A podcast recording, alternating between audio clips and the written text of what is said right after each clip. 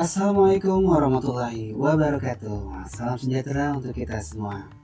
Apa pun aktivitas yang rekan-rekan lakukan saat ini, semoga dimudahkan prosesnya dan dilapangkan jalannya. Rekan-rekan, hari ini saya akan membahas bagaimana membuat kebiasaan baru. Sudah hampir lima bulan kita menjalani masa pandemi. Kebiasaan baru apa yang sudah rekan-rekan miliki saat ini?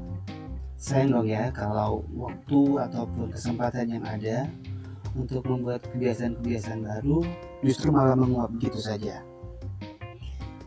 Gak peduli bagaimanapun kehidupan kita saat ini, kita akan selalu punya keinginan untuk menjadi orang yang tentu extraordinary, meningkatkan kehidupan dan diri kita. Gak ada yang salah dengan semua itu, karena keinginan itu sebenarnya natural sebagai keinginan manusia untuk terus bertumbuh. Namun celakanya, sekuat dan sekeras apa pun kita mencoba, kebiasaan atau keahlian baru itu tak kunjung kita dapati. Nah, untuk rekan-rekan yang penasaran, kenapa hal itu bisa terjadi dan bagaimana cara mengatasi dan membuat kebiasaan atau keahlian baru itu, maka dengerin terus podcast Manusia Pagi ini.